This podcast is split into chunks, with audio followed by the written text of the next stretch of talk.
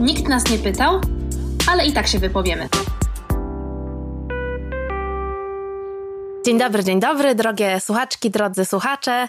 Żeby nie przedłużać, nie owijać w bawełnę, wasz ulubiony cykl powraca, lekcje z Hair Story feminizmu. Dzisiaj ostatnia, trzecia odsłona, chociaż tak naprawdę nie ostatnia, bo jeszcze będzie niespodzianka później, ale ostatnia z Martą Mazurek. Dobiegamy do y, końca opowiadania wam o tym, w jakim punkcie znajdujemy się teraz, o Hair Story feminizmu, jak, do czego to wszystko doprowadziło. No i dzisiaj trzecia fala. Dzień dobry, Marto. Dzień dobry dobry, y, bardzo mi miło. Cieszę się na te wszystkie komentarze i na tak wspaniały odzew.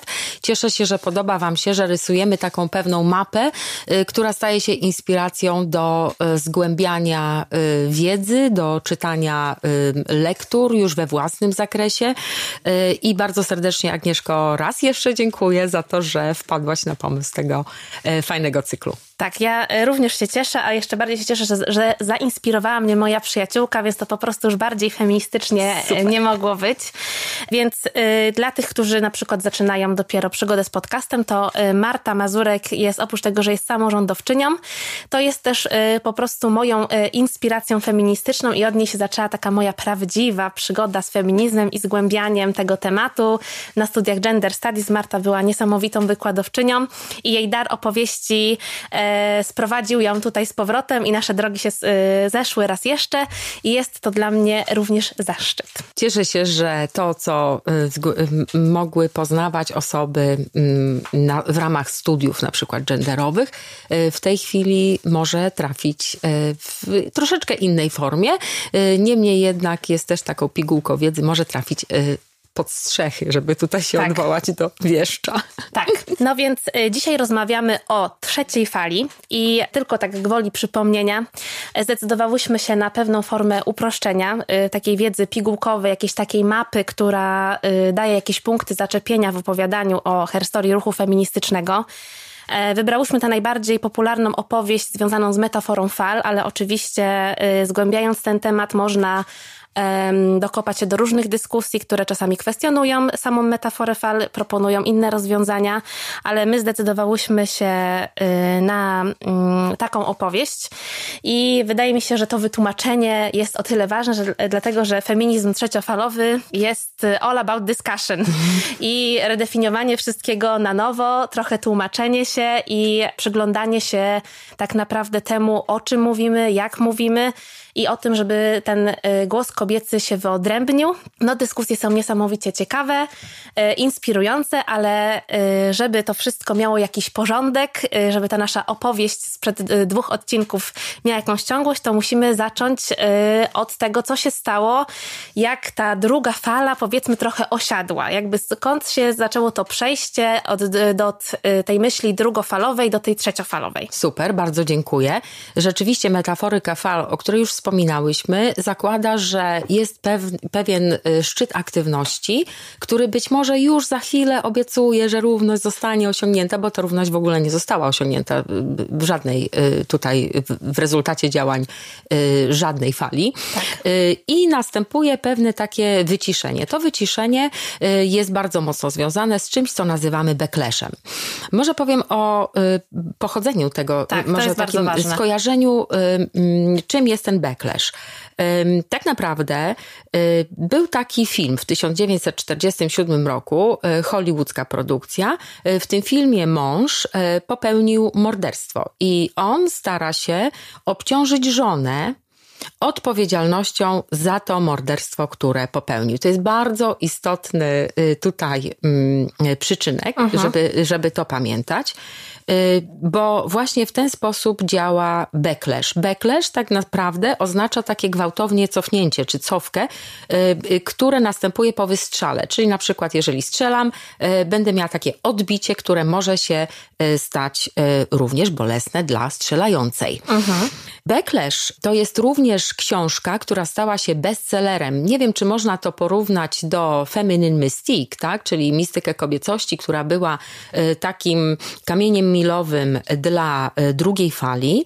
Więc może rzeczywiście książka Susan Faludi z 1991 roku, Backlash, była również bardzo ważną, inspirującą lekturą, ale taką uświadamiającą, co się teraz dzieje dla trzeciej fali no można to też tak nazwać. Oczywiście będziemy mówiły o zupełnie innych tutaj inspiratorkach, ale ta książka była również takim kamieniem milowym. To jest rok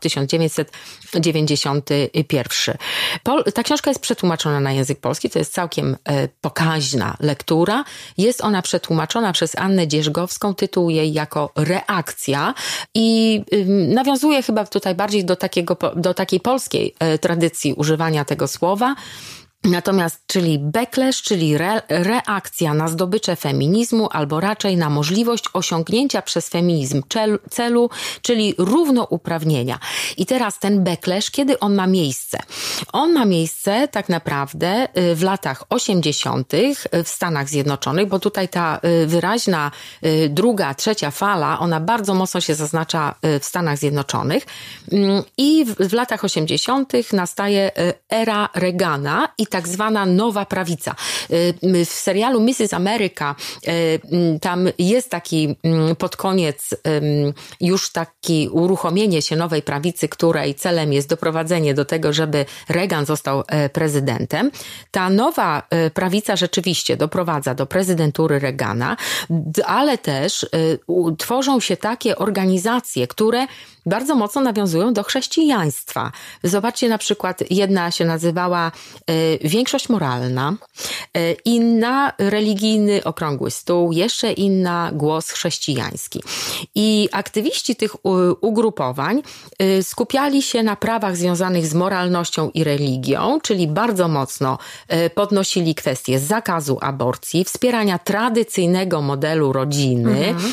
czyli tego jedynego właściwego, Y, bardzo mocno krytykowali, y, no wówczas homoseksualizm, to jeszcze tak y, się nazywało, ale także postulowali na przykład nauczanie religii w edukacji publicznej. Mhm. W Wielkiej Brytanii nowa prawica jest związana z rządami czy z epoką premier Margaret Thatcher. I to mamy te lata 80., czyli ta cofka. To nie jest ruch scentralizowany, ta, ten backlash, tak? czy ta e, reakcja, tak? Nie jest w ogóle postrzegana jako ruch e, polityczny. On, mm, reakcja działa w sposób rozproszony, dlatego jest taka bardzo e, niebezpieczna. Jest najpotężniejsza wówczas, kiedy tak naprawdę działa w tej sferze prywatnej i działa na świadomość kobiet i mężczyzn, bo mężczyzn również, prawda? Ale jak zagnieździ się w umyśle kobiety, to sprawia, że ona zaczyna postrzegać feminizm jako coś godzące tak naprawdę y, w jej prawa i w jej interesy. Mhm. Mm, no i myślę, że gdzie byśmy tutaj zaczęły obszary, y, czy y, jakie obszary rozróżnimy? Zacznijmy od mediów i tej ideologii, tak szeroko rozumianej, tak, tak jaka została uruchomiona w latach 80. Otóż gazety, filmy, reklamy, gabinety le lekarskie, czasopisma, również naukowe, nie tylko kobiece, tak, mm, były mniej więcej tak zorientowane. Być może Osiągnęłyście tutaj wolność i równość, ale nigdy jeszcze nie byłyście tak bardzo nieszczęśliwe. No tak? Właśnie. Feminizm wygonił kobiety z zacisza tego domu, tego spokojnego, tego, czym one chciały się zajmować, tak naprawdę z powołania, czyli y, tworzeniem rodziny, domu rodzinnego, opieką nad dzieci, nad dziećmi. Wygonił je na rynek pracy. One tam teraz muszą robić kariery, bardzo się przy tym frustrują, doznają wypalenia zawodowego zawodowego, doznają depresji, popadają w alkoholizm, w ogóle zwiększa się nawet, jak to się mówi, umieralność albo zapadalność na e, zawały serca, prawda? Mhm. To jest po prostu związane z tym, że kobiety e, teraz muszą być tymi supermenkami, tak? Że e, działają i tutaj, i tutaj, i na tej niwie zawodowej muszą dorównywać, czy czują, że muszą po prostu pędzić do tej kariery. Oczywiście w związku z tym opóźniają macierzyństwo, a jak opóźniają macierzyństwo, to, że tak powiem, wysychają im łona. Tak. tak? I mamy do czynienia z, no, grozi nam tutaj epidemia bezdzietności. Epidemia singielek. Epidemia singielek, bo oczywiście to za tym jeszcze powiem o, o tym, jaki wizerunek jest feministki. Rzeczywiście one się tam starzeją, stają się nieatrakcyjne, bo jaki tu facet chce taką y, y, okropną, y, rządzącą bosy, tak? Zgorzkniałą, Zgorzkniałą wręcz czasami kobietę, więc one są tutaj samotne. Wydaje się, że w filmie, który zresztą Faludi omawia, nie jest on do końca kwintesencją, ale jest takim ważnym sygnałem, to będzie fatalne zauroczenie, jeżeli tak. oglądałyście i oglądaliście ten film, prawda? No to on, tutaj mamy tę właśnie taką bardzo kobietę, która zrobiła karierę, ale widzimy tutaj ten pusty dom, puste łono, pragnienie, tak? I tutaj mhm. zegar jej tyka. Więc to jest przekaz taki, przekaz taki kultur, w kulturze, w popkulturze, w mediach, że kobiety są nieszczęśliwe niestety, bo stały się niewolnicami własnego wyzwolenia. Tak, prawda? Czyli, zdobyczy. To, czyli, o co walczyły, je tak naprawdę zniewoliło. zniewoliło. Czyli zobaczmy teraz, uwaga, nie, mm, bo tutaj jest kwestia jeszcze tego tak zwanego podziału, tak, obowiązków e, mhm. albo braku tego, tego, y, jak to się mówi, żeby to było work-life balance, o którym tak. tutaj mówimy, tak, że nie da się rady robić kariery i dbać o dzieci i dom, tak, kobiety są rzeczywiście wyczerpane. I takich mnóstwo przykładów w mediach kobiet się pojawia, które rzucają karierę, przenoszą się do domów, to jest to, co ja zawsze chciałam robić, prawda, mm, tylko feminizm mi wmówił, tak, że tak naprawdę chciałam czegoś innego. I teraz Y, y, y, nawiązując do tego backlashu i tamtego filmu, o którym mhm. mówiłam, te, feminizm i równouprawnienie oskarża się o kryzys demograficzny, o wzrost przemocy domowej nawet, tak? Doszło przecież na przykład, również mówi się o brutalizacji w ogóle całego przemysłu i produkcji pornograficznej, tak? tak. Gdzie dochodzi do pokazywania takich obrazów, bardzo mocno jest skupiona na okropnej przemocy wobec kobiet, prawda? I to dosyć brzmi znajomo, czyli oskarżamy feminizm, równouprawnienie, dążenie do równouprawnienia o wszelkie zło tego świata. Ale tymczasem co się dzieje, bo to jest druga rzecz, tak? Najpierw jest ta ideologia, Druga rzecz, to co się dzieje na poziomie tak naprawdę wsparcia kobiet, tak? Czyli nic się nie dzieje, bo mamy dwa razy więcej jest kobiet, y, mówię tutaj troszkę o Stanach, tak? Jak tak. to tak wyglądało. Dwa razy więcej jest kobiet w grupie mniej y, zarabia, najmniej zarabiających niż mężczyzn, tak? Dwa razy częściej niż mężczyznom grozi im brak emerytury, tutaj dla Stanów to jest ważne. Luka płacowa jest jedną z największych. Następnie nie osiągnęły żadnej równości w miejscu pracy. Mówi się o tym, że są bariery, szklane sufity, to już tak. się tematyzuje, natomiast nie wprowadza się tak naprawdę żadnych e, tutaj rozwiązań. Nie rozwija się zapewnienia opieki żłobkowej czy przedszkolnej. W Stanach to w ogóle musiałyby to robić też jakoś tak firmy prywatne i tak dalej. Tego się w ogóle nie robi. Kobiety wreszcie to pewnie 1989 mm, jest Sąd Najwyższy uznaje prawo Stanów do wprowadzenia ograniczeń w dostępie do, dostępie tak. do aborcji, czyli indywidualnych stanów. Czyli tak naprawdę one mają e, większe ograniczenia tutaj, jeżeli chodzi o e, prawo do aborcji, niż e, miały wcześniej, prawda? Następuje właśnie taki tutaj zwrot. I teraz no tutaj co powiedziałaś, tak, że w ogóle mają problem, żaden, żaden facet ich nie chce. Tak, tak? Żaden. Czyli zostają tymi singielkami. Ja w ogóle myślę, że y, wrzucimy też taką fajną lekturę Catherine e, e, Trimberger, e, Nowa Singielka. Mhm. To jest w ogóle bardzo, uważam, taka umacniająca lektura dla singielek, które myślą, kurczę, koniec świata, prawda? Więc oczywiście z obwinianiem o wszystko feminizmu znowu się y, pojawia ten ten obraz strasznej feministki, ta, co się nie goli, jest taka właśnie brzydka, nienawidzi mężczyzn, bo tak naprawdę oni jej nie chcą, prawda?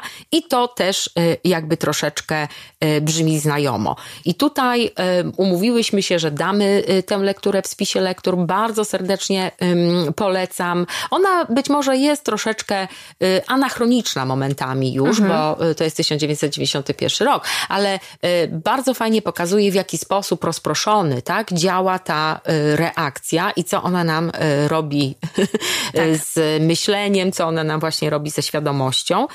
Bo y, ona rzeczywiście działa jak taki straszak przez, przed zmianą tak naprawdę, tak? Jest uruchomiona i trzeba jeszcze wiedzieć, że oprócz takiej ideologicznej, tej y, rozlewającej się we wszystkich możliwych formach przekazu, takiego nawrotu do tej, czy obrony tej tak zwanej tradycyjnej rodziny i tak dalej, e, ważne jest, żeby powiedzieć, że były też brutalne akcje, tak? Że akolici, czy tam, nie wiem, jacyś e, aktywiści tej nowej prawicy, czy słuchający tej nowej prawicy, tak? Oni na przykład podkładali bomby pod kliniki aborcyjne, tak? Mhm. I więc y, rzeczywiście y, oprócz y, mm, takiego zastraszania albo oprócz takiego prania mózgu troszeczkę, prawda?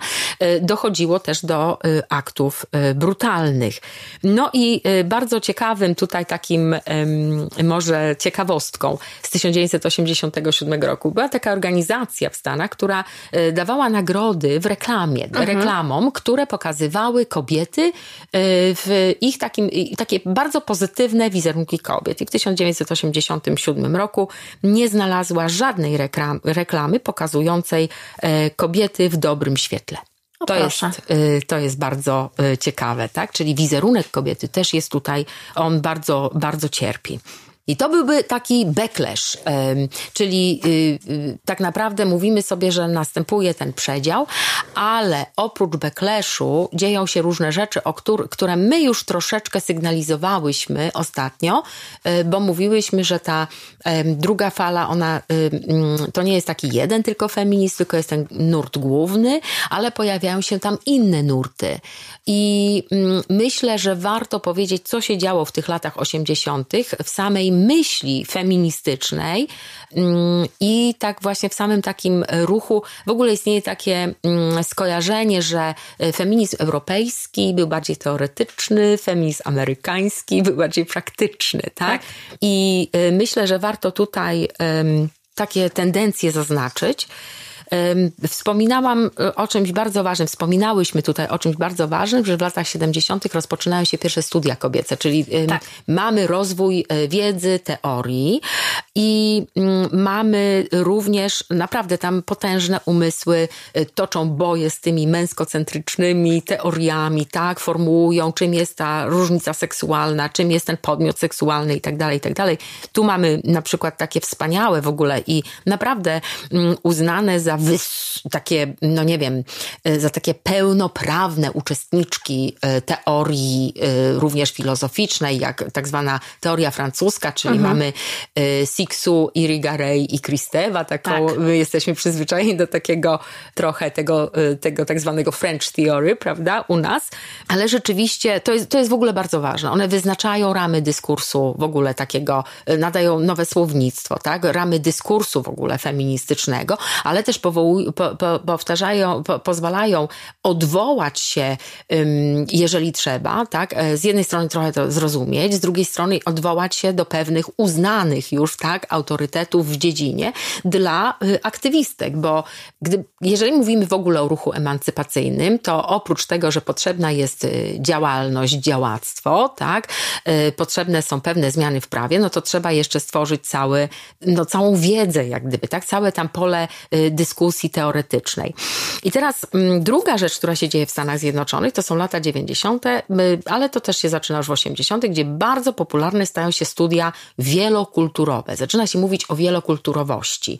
Czy myślisz, że warto by było powiedzieć, na czym polega koncepcja wielokulturowości? Tak, myślę, że tak. tak. tak. Bo mieliśmy kiedyś, mówiło się, że Ameryka to jest taki tygiel taki tygiel, że przyjeżdżają bardzo kraj imigrantów i imigrantek, tak?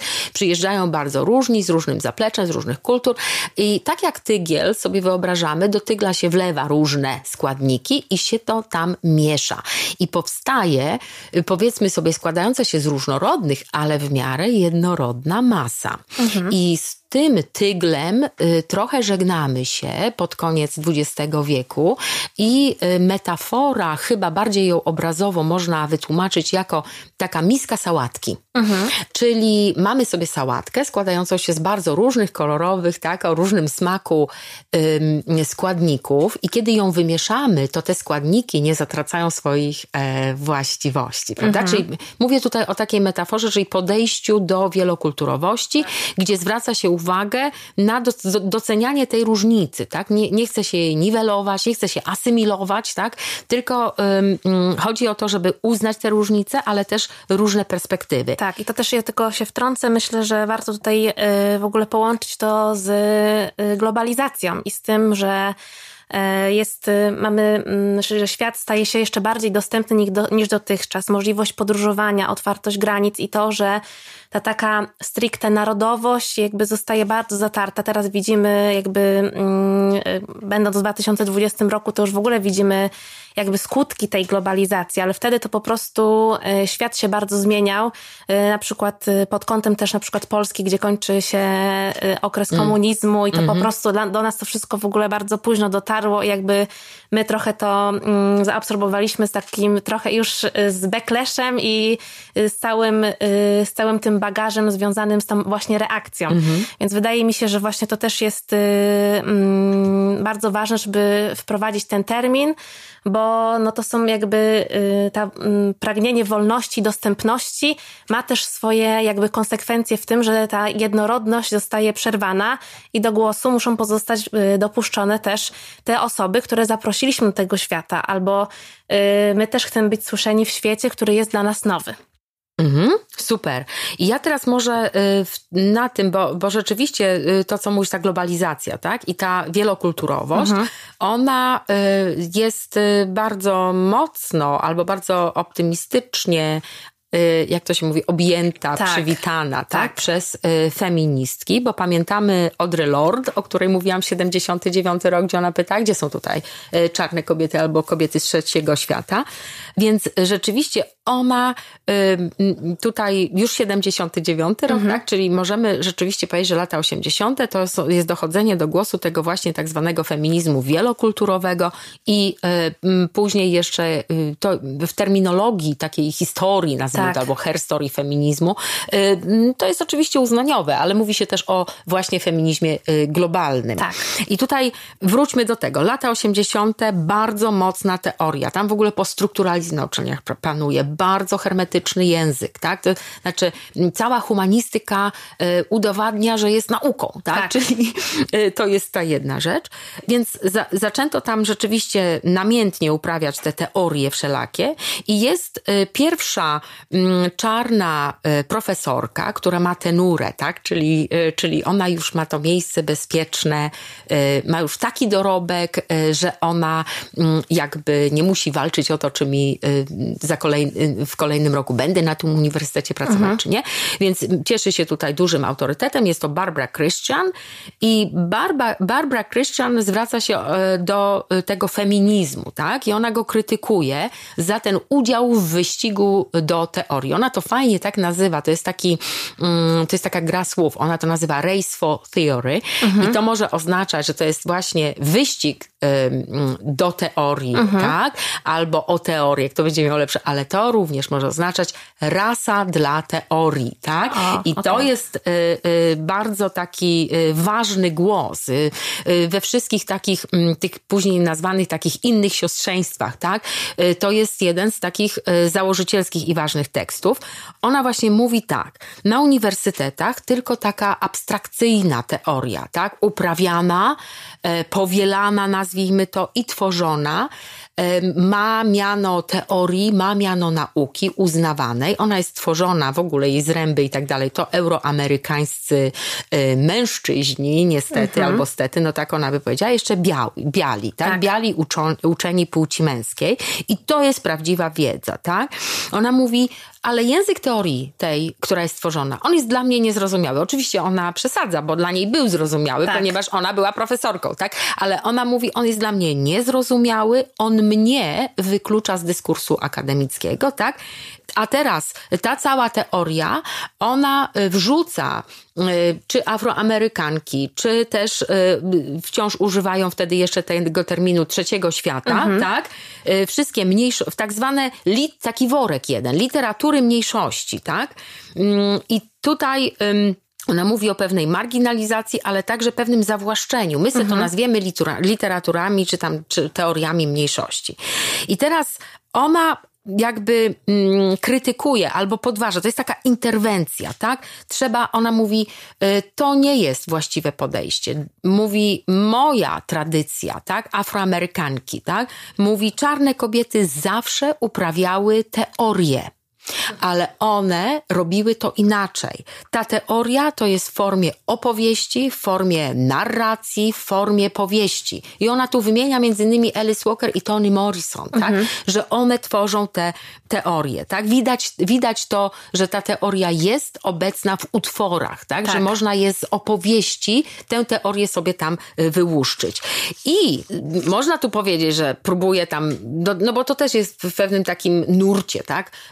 Obalenie czegoś takiego jak e, podział na teorię i literaturę, tak? Ona to też pro proponuje, tak? Ale ona tutaj bardzo ważną rzecz e, e, wprowadza, wprowadza pewną obecność doświadczenia, tak, mhm. ale też pewną, mm, że, że ta teoria nie jest do końca reprezentatywna, bo ta teoria jest właśnie tych białych, uprzywilejowanych i tak dalej, i tak dalej. Tak, ona po prostu pyta o to, czyje to jest doświadczenie. Czyje, czy w ogóle jest tam jakieś doświadczenie, tak, tak? i o tym teraz będzie, y, o to będzie się toczył spór, że nie ma jednej kobiety, y, czy podmiotu kobiecego, mhm. że do, dyskryminacja dyskryminacja, tak? Dyskryminacja albo że y, aspekt płci nie jest jedynym, ani uwaga, wcale nie najważniejszym dla wszystkich kobiet z różnych społeczności, wcale nie najważniejszym y, tym y, elementem albo czynnikiem ucisku, tak? tak? I to jest, to się, tu się, że tak powiem, wprowadza te nowe głosy.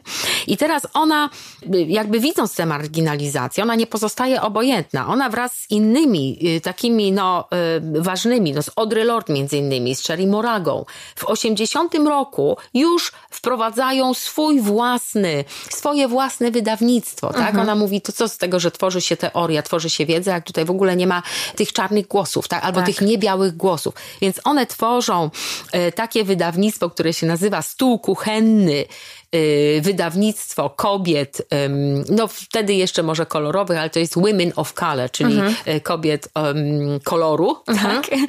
I um, ona opisuje to całe przedsięwzięcie i jego założenia w takim pięknym y, tekście, który zatytułowała a press of, um, of our own, tak? Czyli oczywiście a room of one's own, tak? Mhm. Czyli e, wydawni nasze własne wydawnictwo, prawda? I to jest właśnie um, ta istota, że zaczynają się te głosy już nowe. I jeszcze ja, y, wydaje mi się, że y, trzeba by było jeszcze raz y, wspomnieć pozycję, tak? Bo ona mówi o pewnej pozycji, o pewnym podmiocie, o określonym doświadczeniu wynikającym właśnie z tego, gdzie ona się znajduje Y, w y, społeczeństwie, tak. prawda? Czyli pamiętamy Renię Edolodge? Pamiętamy. Która mówi, jak mi, jak y, wyobraziłam sobie tutaj, na jakie przeszkody w życiu, tak? Jak się potoczy scenariusz życia, tutaj chciałam pokazać afro, dałam afroamerykanina, czy tam mhm. afrobrytyjczyka, dałam chłopaka, bo tak mało mam wiedzy na temat dziewczyn, prawda? Tak. Czyli mamy tak, jeżeli mówimy o e, e, pewnych e, niesprawiedliwościach albo o pewnym takim systemowym ucisku, nazwijmy to, kobiet, to jakie kobiety mamy na myśli? No mamy kobiety białe na myśli, tak. tak? One są tym podmiotem. Jeżeli mówimy na przykład o pewnej niesprawiedliwości, która spotyka społeczność czarnych, to o kim mówimy? Renie Dolocz nam to ładnie pokazuje. Mówimy o Afroamerykanach, tak, albo o mężczyznach. Natomiast nie bardzo bierzemy pod uwagę y, kobietę. I teraz tu trzeba y, sobie to bardzo y, tak wyobrazić. Wyobrażamy sobie, jeżeli sobie wyobrazimy tej pozycję Afroamerykanki jako punkt, tak, na jakiejś mhm. mapie. A te osie, bo to się nazywa osie dominacji w ogóle, mhm. tak, w, w, nauce. Czyli załóżmy rasa, tak, rasizm to jest oś dominacji, tak, jedna. No to z jednej strony będzie rasa, która przecina ten punkt, z drugiej strony będzie płeć, która przecina y, ten punkt i z trzeciej strony, tak, ta trzecia prosta, trzecia oś y, to będzie również y, klasa, bo to tak. jest o, o tym bardzo mocno się wtedy też mówi, o tym do jakiej klasy należy należą, kobiety, które tworzą teorie, prawda, mhm. i tak dalej, i tak dalej.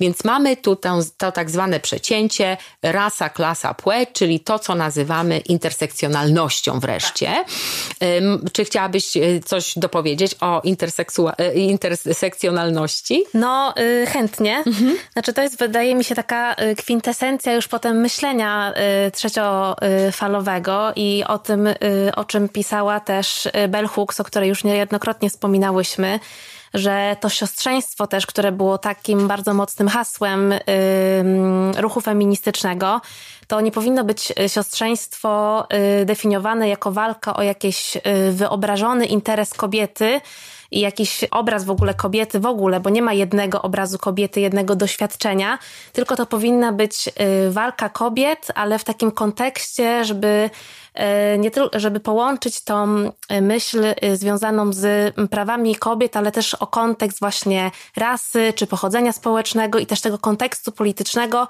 w którym znajduje się w ogóle kobieta. Mhm. Więc to jest, wydaje mi się, tutaj bardzo ważne i e, teorię feministyczną Bell Hooks to po prostu każdy powinien przeczytać i mieć pod poduszką, bo e, no to jest w dzisiejszym takim e, dyskursie feministycznym no coś, z czym cały czas się zmagamy, no bo ta intersekcjonalność no, budzi bardzo wiele pytań i zadaje nam pytanie najważniejsze o tym, kto mówi, z jakiej właśnie pozycji, o czym tutaj teraz mówiłaś. No i teraz się okazuje, że tych wspólnych doświadczeń i nie ma jako y, kobiety, że y, mamy gdzieś te punkty styczne, ale każda z nas właściwie może opowiedzieć o swoim doświadczeniu bycia kobietą z tak bardzo różnych perspektyw. No tak. i gdzie tutaj y, mówić i w jaki sposób poprowadzić te dyskusje, żeby nie wykluczać. Tak. I to jest chyba to najważniejsze i najtrudniejsze wyzwanie w tym wszystkim.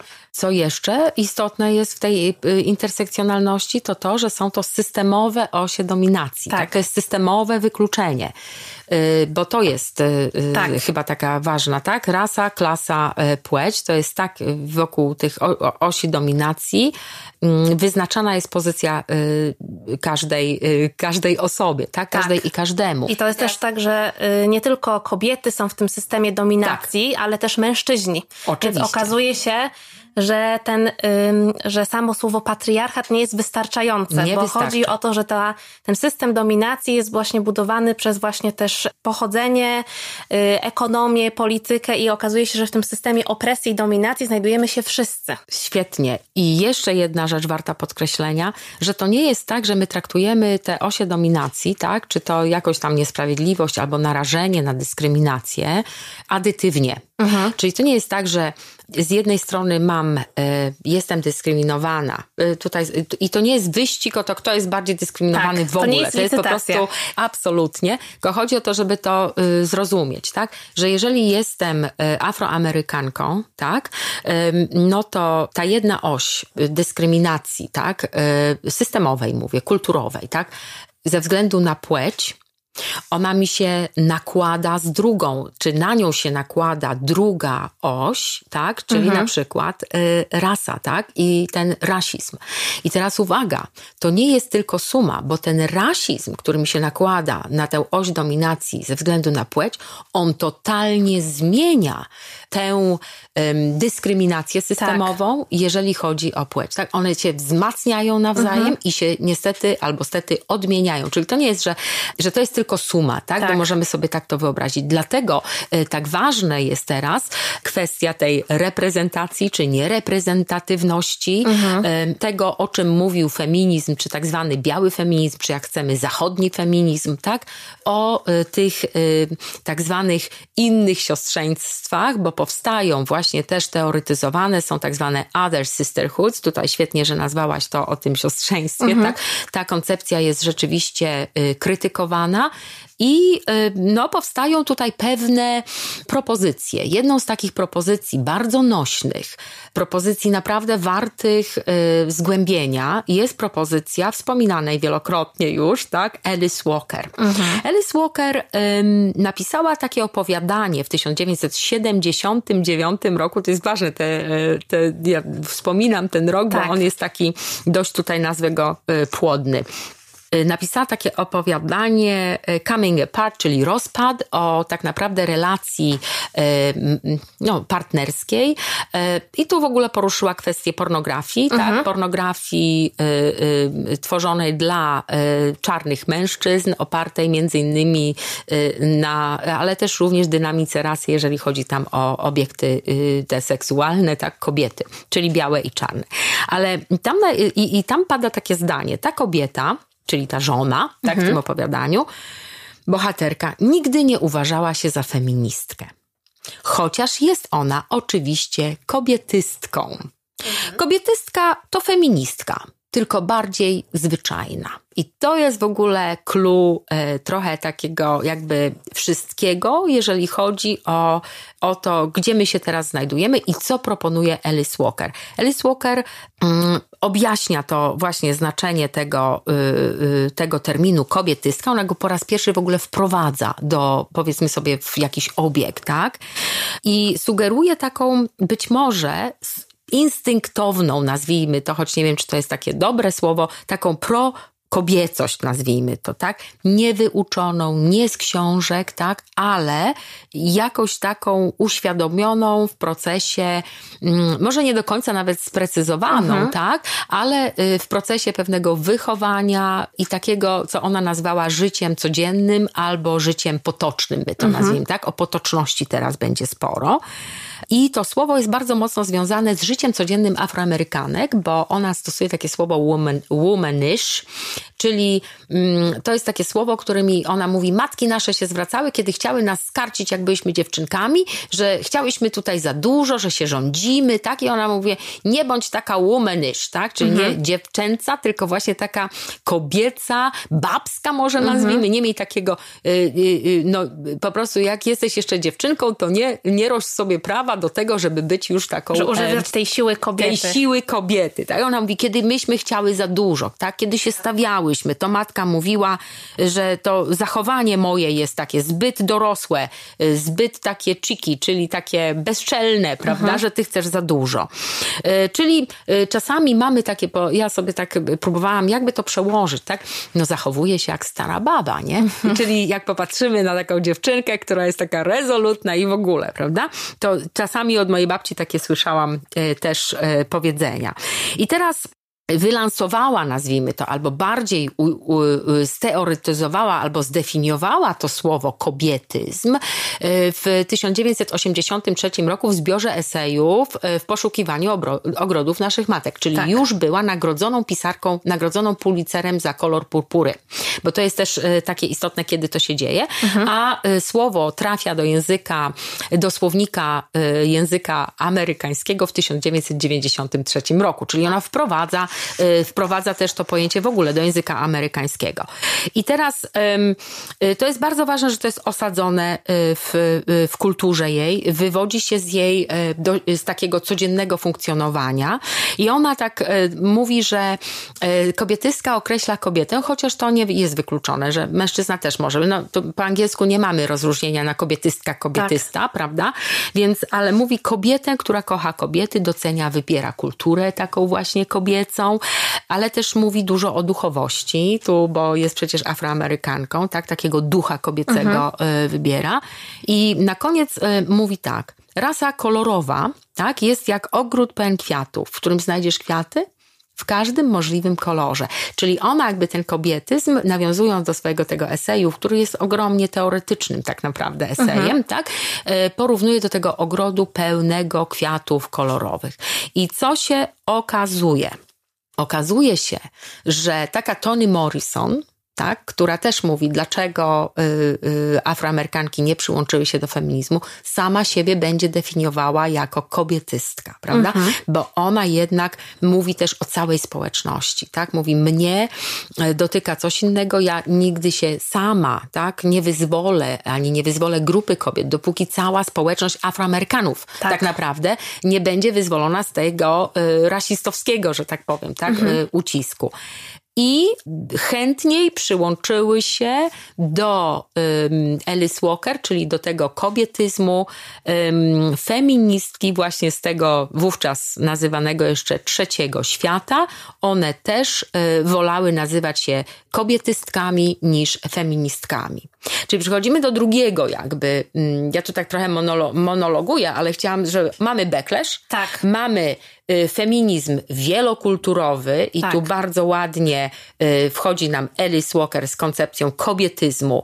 Y, do kobietyzmu tam jak Barbara Christian robiła ten, to wydawnictwo mhm. własne, tak, tam będziemy miały też no one się nazywały metyski, tak? Mamy y, piękną Glorię Anzaldue, która opowie nam y, o życiu na pograniczu, tak? I ona też będzie taka bardziej kobietystyczna niż y, feministyczna.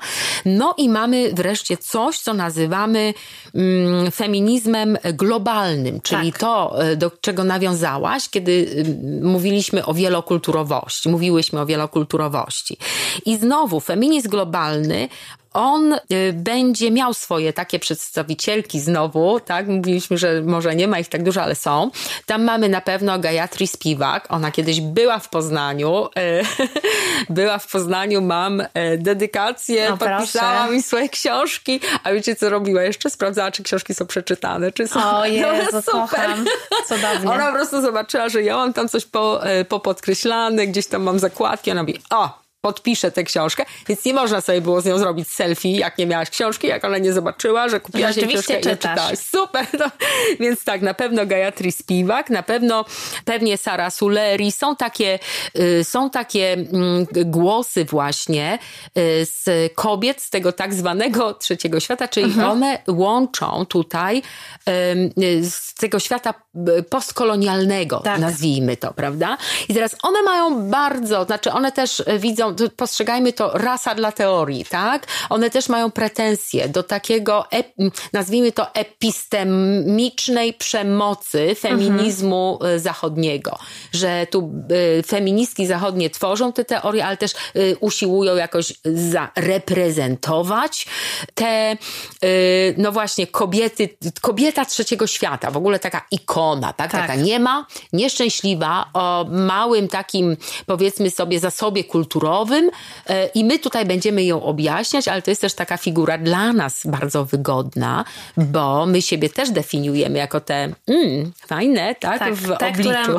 które roszczą sobie prawo do opisania. Do opisania e, i one rzeczywiście zaczęły od tego, że ruch feministyczny i w ogóle szukają tych swoich tam e, tradycji e, kobiecej pisarskiej. Ja wspominałam e, w, pewnie przy drugiej fali o Elaine Showalter, tak? tak? Wspominałam o tych e, kobietach, które tworzą herstory gdzie, do czego się one odwołują? One się odwołują do na przykład tradycji angielskiej, e, pisarstwa XIX wieku, a XIX wiek to jest hello, imperializm, no. prawda?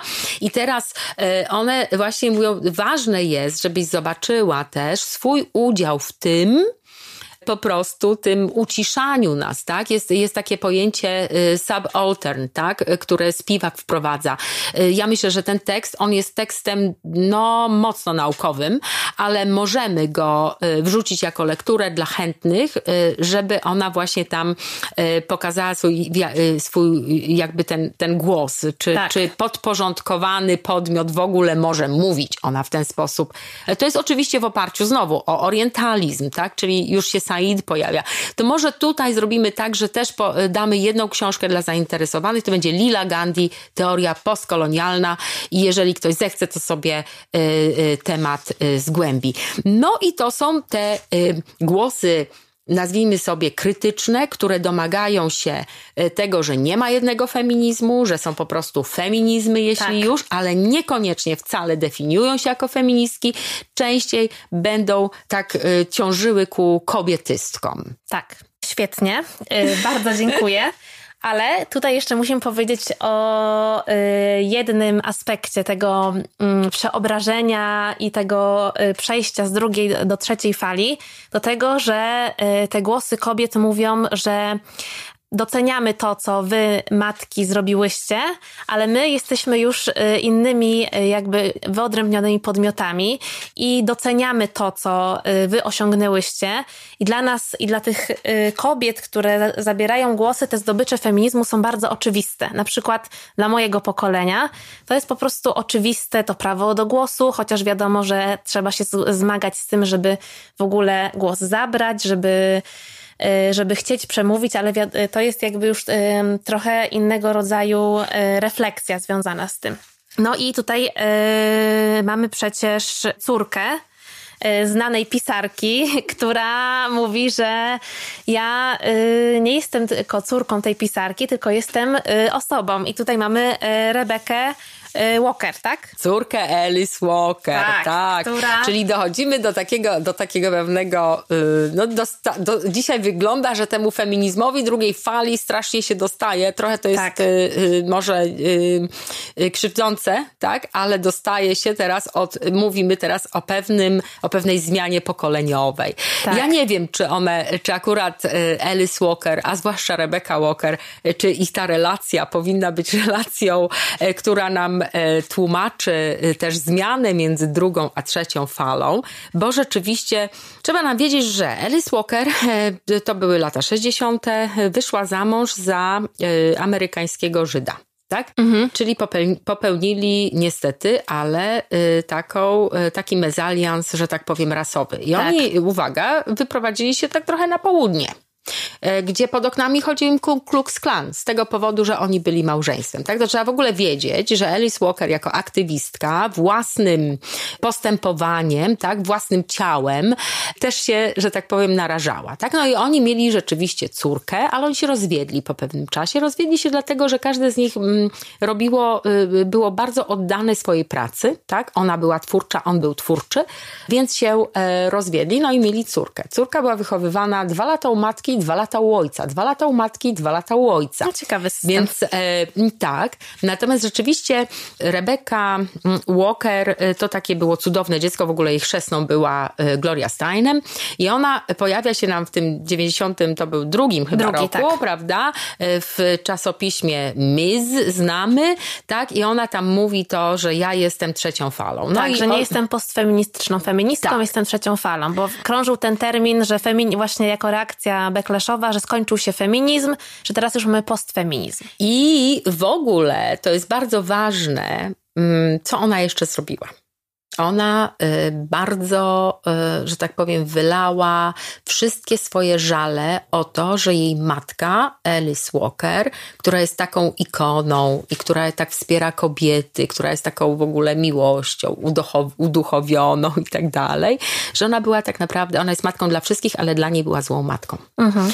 E, że w ogóle jej nie wspierała, że ona jadła y, te śmieciowe jedzenie, tak? Bo matka była cały czas, matka jej potrafiła mhm. wyjechać 100 mil, zostawić ją i wyjechać po prostu do swojego domu pracy twórczej uważała to trochę chyba w tej dyskusji, że te, taką krzywdę ta druga fala, tak? Znaczy, mhm. że może być tak przepojona y, to tym takim, nie wiem jak to nazwać, tymi ideami, tak? Że uważa, że to y, macierzyństwo, ona po prostu jakby oskarżyła tutaj no nie, nie chciałabym rzucać w ten sposób, mhm. ale rzeczywiście padło tam takie trochę, taki żal do tej drugiej fali, że obrzydziło macierzyństwo, obrzydziło małżeństwo, tak, że y, i jej matka jakby y, cały czas y, to wprowadzała w życie, przez co ona miała taki zimny wychów, tak, i potem ona w ogóle opowiada różne, że ona miała 13 lat, rozpoczęła życie seksualne, powiedziała swojej matce, że jak miała 14 lat, że jest w ciąży, a mama, a,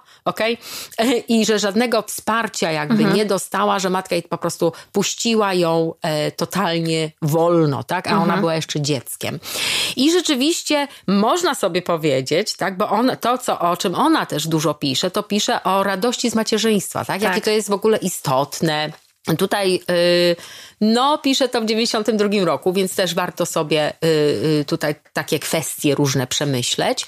Mm, natomiast nie wiem, czy rzeczywiście do końca osią sporu powinien być to rzeczywiście ten spór matka-córka, albo nie, raczej córka-matka, tak. prawda?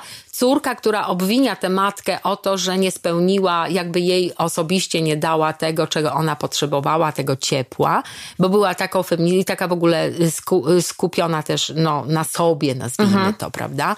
Mm, ale jest to jakaś ciekawostka, która tak.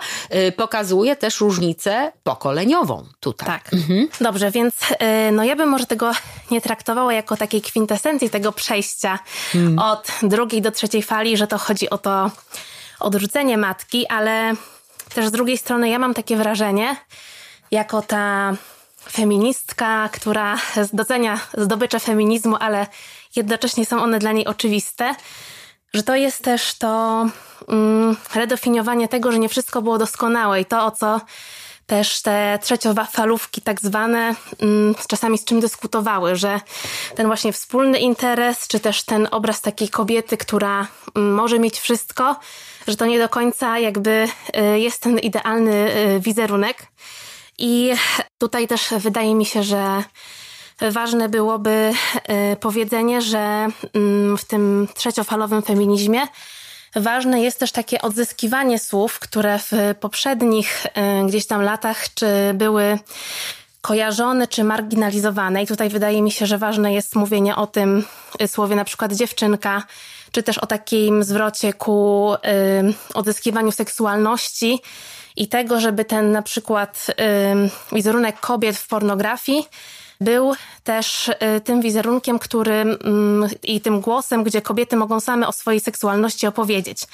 Dlatego w tym y, trzeciofalowym feminizmie tak ważny jest też po prostu zwrot w kierunku filmu pornograficznego i tutaj obecnie bardzo ważną twórczynią jest na przykład Erika Lust, która sama tworzy te filmy pornograficzne i która e, opowiada o kobiecej seksualności, w ogóle seksualności, jakby też włączając te wszystkie, powiedziałabym, e, doświadczenia nie tylko kobiet, ale też innych osób, które współuczestniczą w tym akcie, więc to jest jakby też taka kwintesencja tej dyskusji związana z tym, że to już nie tylko chodzi o kobiece doświadczenie jako w ogóle kobiety, ale też w całym tym kontekście że y, ten, dlatego ten trzeciofalowy feminizm, ja bym po prostu powiedziała, że on nie istnieje bez całego tego społecznego kontekstu, politycznego, ekonomicznego i to okazuje się, że totalnie zmienia nam nie tylko pozycję, jeżeli chodzi o dyskusję, ale w ogóle całą dyskusję.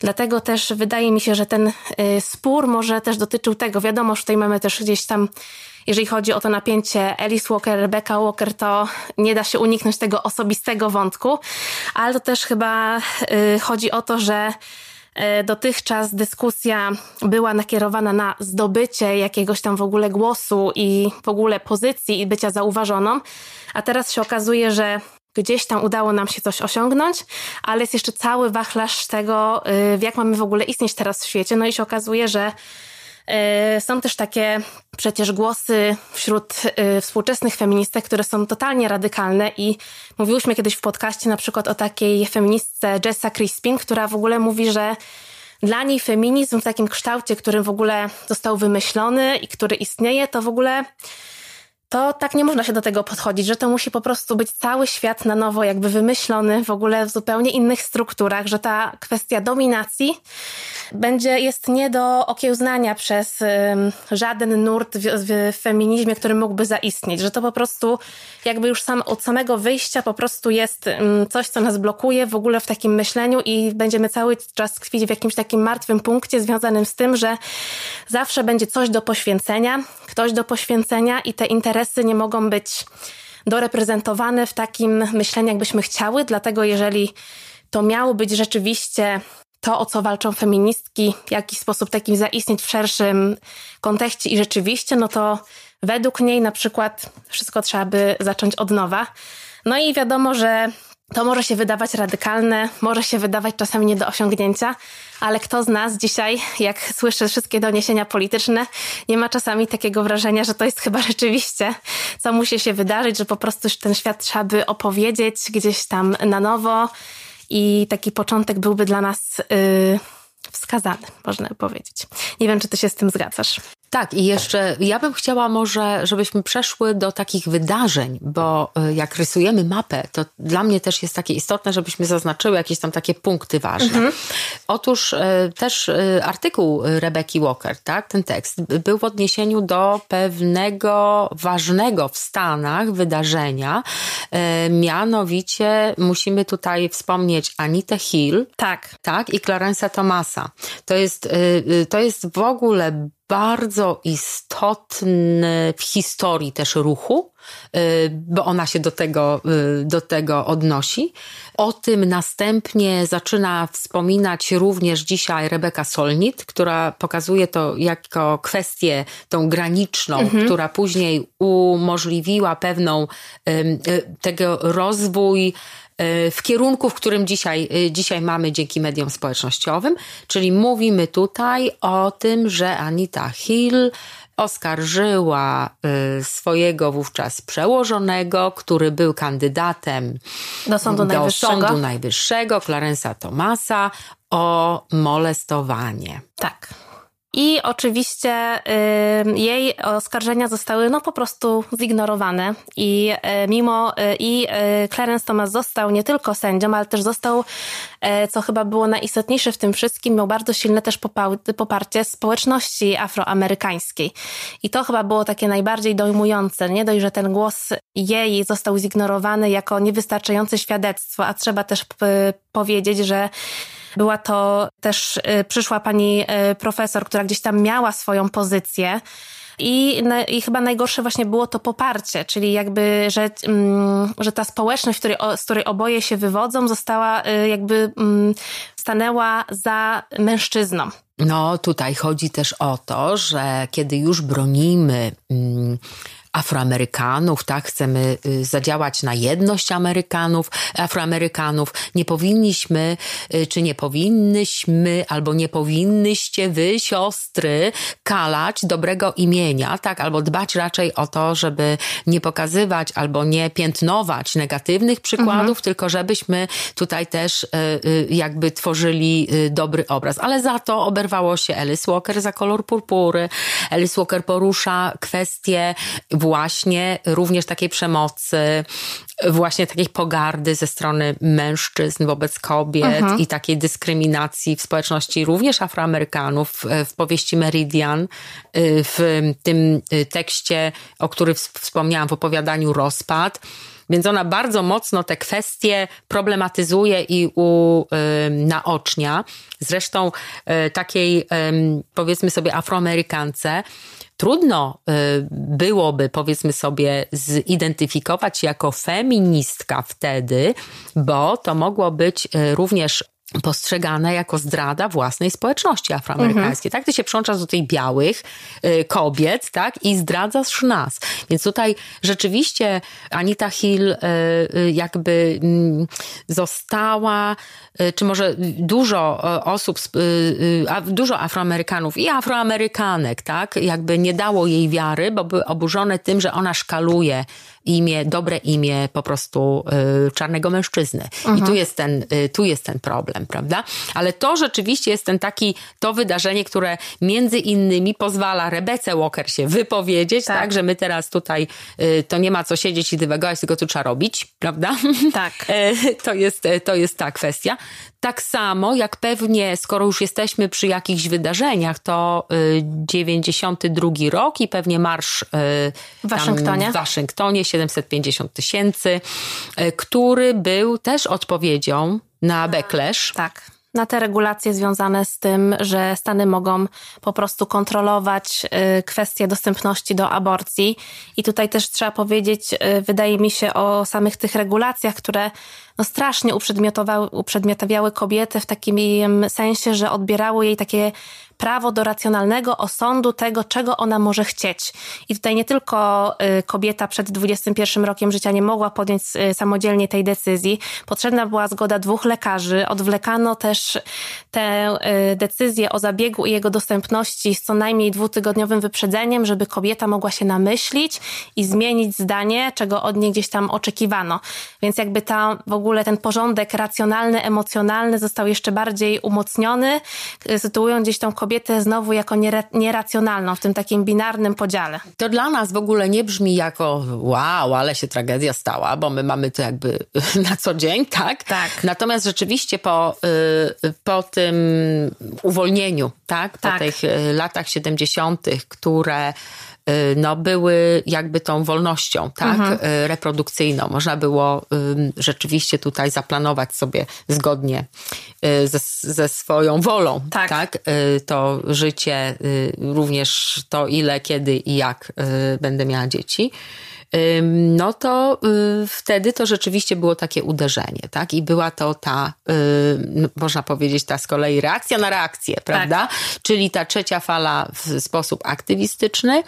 Y, wspomniałyśmy Rebekę, która to nazwała. Pewnie warto by było, ja myślę, że może jeszcze damy takie lektury, które są też przetłumaczone na polski, czyli Naomi Wolf. Czy o, może tak. byś chciała o Naomi Wolf? Bo to się troszeczkę wiąże też z tym, co mówisz o kulturze, o wizerunku. Tak, no to czy teraz to w ogóle jest w erze instagramowej i rzeczywistości bardzo aktualne.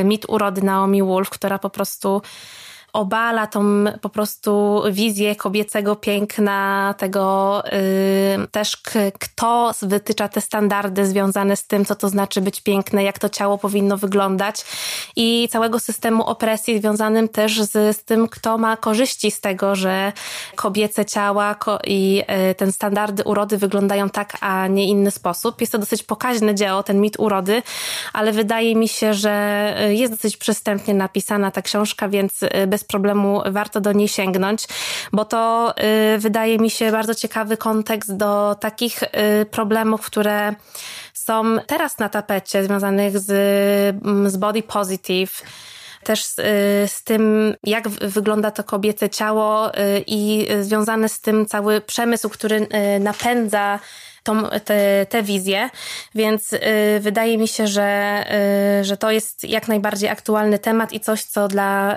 y, dla feminizmu trzeciofalowego jest jednym z takich ważniejszych tematów związanych z taką kolejną kwestią dominacji, opresji na temat wizerunku kobiecego. Tak, i myślę, że tutaj warto też wspomnieć żywe lalki Nataszy Wolter, tak. która jest w tytule nawet ma, czy w podtytule Powrót seksizmu i która również traktuje traktuje o tej opresji y, wyglądu, tak? I myślę, że y, warto w ogóle o seksualizacji, to tak. są już te, te kwestie, które są e, poruszane y, może nawet bardziej w związku z tym rozwojem różnorodnych mediów i różnorodnych kanałów dystrybucji, mhm. tak? Tych wizerunków kobiecych.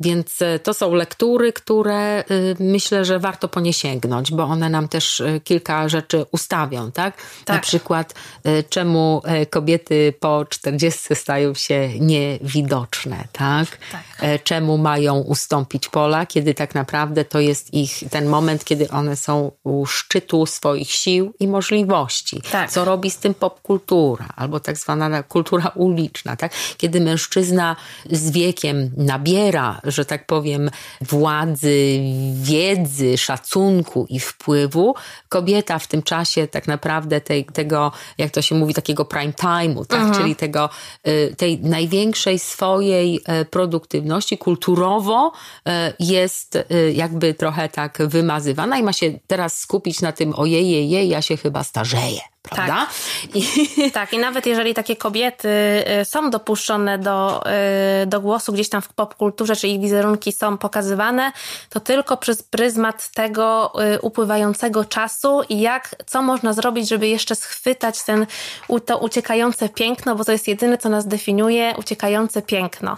I to jest jeden, jak mm, powiedziałyśmy tutaj niejednokrotnie, z problemów trzeciofalówek. Też wydaje mi się, że ważne tutaj y, do mm, takiej refleksji, do zahaczenia jeszcze o tematy jest kwestia tego odejścia od takiego tworzenia dużych grup, wyznaczania takiego przywództwa y, i raczej y, tworzenie i działanie w ramach NGO-sów, no to jest bardzo popularna forma zrzeszania się nie tylko kobiet, ale i i w ogóle osób, które chcą w jakiś sposób działać i zmieniać coś i takie po prostu nastawienie na działalność lokalną. To wydaje mhm. mi się bardzo ważne, że to dojść do tego punktu, gdzie gdzieś tam na skalę globalną oczywiście jest to bardzo ważne, ale y, działamy w naszej społeczności i zaczynamy od tego najbliższego kręgu, bo od tego zaczyna się ta naprawdę duża zmiana i żeby nie zapominać właśnie o tych peryferiach i nie centrować tego wszystkiego. I wydaje mi się to takim bardzo ważnym odwrotem, jeżeli chodzi o myśl y, feministyczną.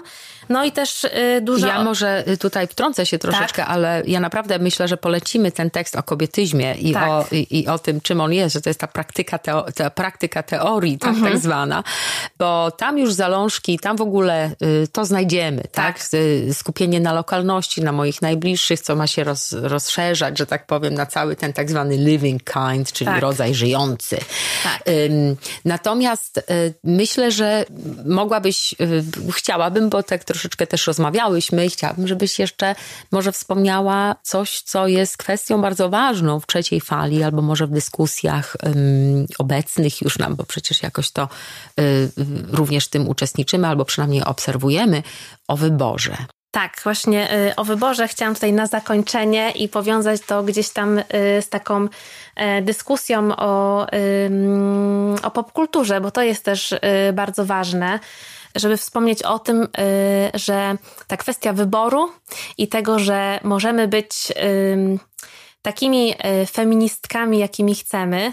I mm, same definiować ten feminizm jest taką bardzo dużą osią y, dyskusji w samym takim ruchu feministycznym, bo mamy z jednej strony kobiety, które mówią, że okej, okay, szanuję te zdobycze feminizmu, znam je, ale ja wybieram to, że chcę y, prowadzić dom i chcę na przykład osiąść w tych takich tradycyjnych rolach przewidzianych dla kobiety, bo to jest mój wybór. No i teraz tutaj się zaczyna duża dyskusja, co to znaczy wybór? I jak y, mamy się do tego wszystkiego odnieść, no bo tutaj też pozostaje kwestia tego, że na przykład y, osoba z, powiedzmy z jakimś tam kapitałem kulturowym może powiedzieć, y, mam te wszystkie na przykład y, na y, talerzu wszystkie kolory tego, w jakiej sytuacji się znajduję, jestem świadoma i wybieram. Ale mamy też kobiety, które uważają na przykład wybór, w którym, którego dokonują, w którym się znajdują, za tą opcję, która jest jedyna, bo nie widzą tych wszystkich innych na przykład kolorów na talerzu. I jest to też kwestia taka związana z tym, że jakby co definiuje ten wybór i co za nim stoi. I też na przykład kwestia związana y, wyborem to jest dla mnie też cały ten spór związany na przykład z tym, kto może nazwać się feministką, a kto nie powinien. I na przykład słynna dyskusja wokół Beyoncé y, i Bell Hooks i w albumu Lemonade, która tam wybuchła jakiś czas temu. I y, my już miałyśmy w podcaście dyskusję na ten temat, więc można gdzieś tam szerzej do tego sięgnąć, jeżeli ktoś będzie miał ochotę.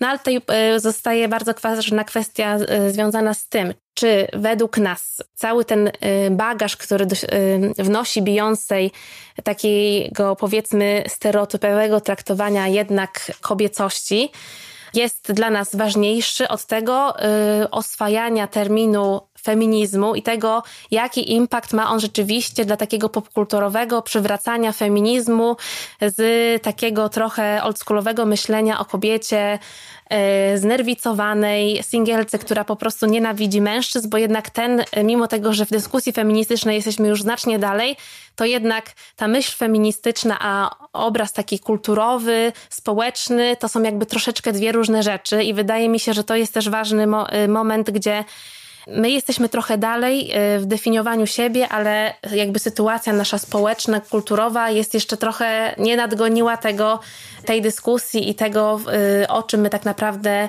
rozmawiamy. No i to jest też ta kwestia z, y, związana z tym, czy będziemy się licytować na to, która z nas jest lepszą feministką, a która jest gorszą. I y, tutaj też polecam bardzo dyskusję o Roxanne Game, y, Gay y, i jej książka I'm Bad Feminist. To jest po prostu wspaniała książka.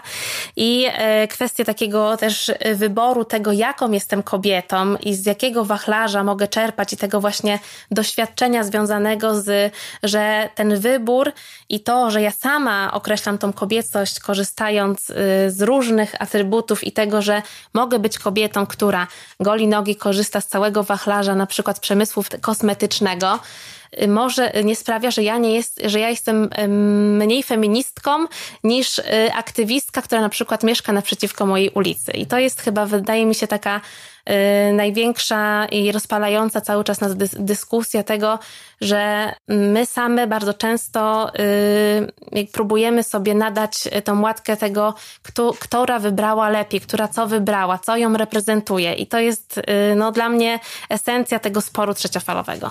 Ja, jeżeli mogę coś polecić, tak. to mm, myślę, że poleciłabym do obejrzenia, jeśli tego jeszcze nie robiłam, a chyba tego jeszcze nie zrobiłam, taki dokument o Taylor Swift. Miss A, tak. America. Rozmawiałyśmy też o tym. Też go polecałyśmy akurat przy okazji tej dyskusji. Odcinek o pop feminizmie polecam i e, no i tak, no to jest bardzo aktualne i uważam, że jak najbardziej w tej dyskusji dobrze, że powraca. No i co? I to chyba. No mam nadzieję, że zarysowałyśmy tutaj taki, taką falowość. Tak. Zarysowałyśmy te pewne przedziały, tak, ale też co się działo, jakie, jakie tendencje panowały.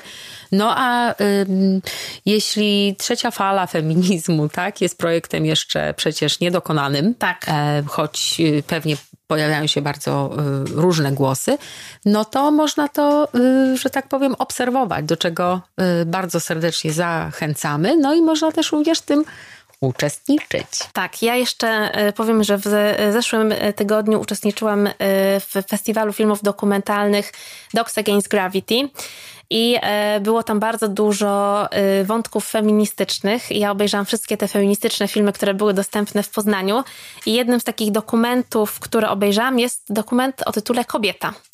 I to jest bardzo prosty w swojej formule, przepięknie zrealizowany film, który oddaje głosy kobietom, które opowiadają o swoich różnych doświadczeniach. I jakbym miała powiedzieć o jakimś takim filmie, który obrazuje to, jakieś takie mm, to właśnie rozbicie związane z różnymi głosami w trzeciej fali, to dla mnie, według mnie ten dokument jest po prostu idealnym obrazem tego. Ten dokument będzie można obejrzeć przez parę dni online w ramach festiwalu, który odbywa się teraz, oprócz, bo odbywał się stacjonarnie, teraz przechodzi do online'u, żeby być jeszcze bardziej dostępnym i ten film będzie dostępny, więc ja go też podlinkuję bo no to jest coś, co każdy powinien obejrzeć, co każda powinna obejrzeć i e, ja to bardzo serdecznie polecam. I dziękuję Marcie, która e, zdecydowała się ze mną wyruszyć w tę podróż po, her, po herstorii feministycznej. Taka sentymentalna. Trochę, trochę sentymentalna, dziękuję. bo mogłyśmy się ponownie spotkać, ale też mogłyśmy odświeżyć sobie jakby tą całą historyczną podróż i to trochę dziedzictwo, że użyję takiego bardzo zakotwiczonego w białym myśleniu słowa i wydaje mi się, że to będzie jakby dobry przyczynek do dalszych poszukiwań, nie tylko dla nas, a przynajmniej e, dla mnie, ale też z tego, co wiem, dla naszych słuchaczy i słuchaczek. I e, ja się bardzo cieszę, że zrealizowałyśmy ten mini projekt. Ja bardzo serdecznie dziękuję. Mam nadzieję, że lista e, tutaj lektur, filmów, ona nie będzie w ogóle pełna. To jest totalnie subiektywny tak. wybór, ale mam nadzieję, że zachęci Was do czytania, zgłębiania i dalszego poszukiwania, do czego szczerze zachęcamy i naprawdę bardzo, bardzo serdecznie dziękuję. Jestem szczęśliwa i zaszczycona, że mogłam e, w tym e, takim, w tym mini serialu podcastowym tak. uczestniczyć. Dziękuję bardzo. Ja również dziękuję, a wszystkim innym mówimy do usłyszenia. Do usłyszenia. Nikt nas nie pytał, ale i tak się wypowiemy. Producentem podcastu jest Estrada Poznańska. Wszystkie odcinki znajdziesz na estrada.poznan.pl.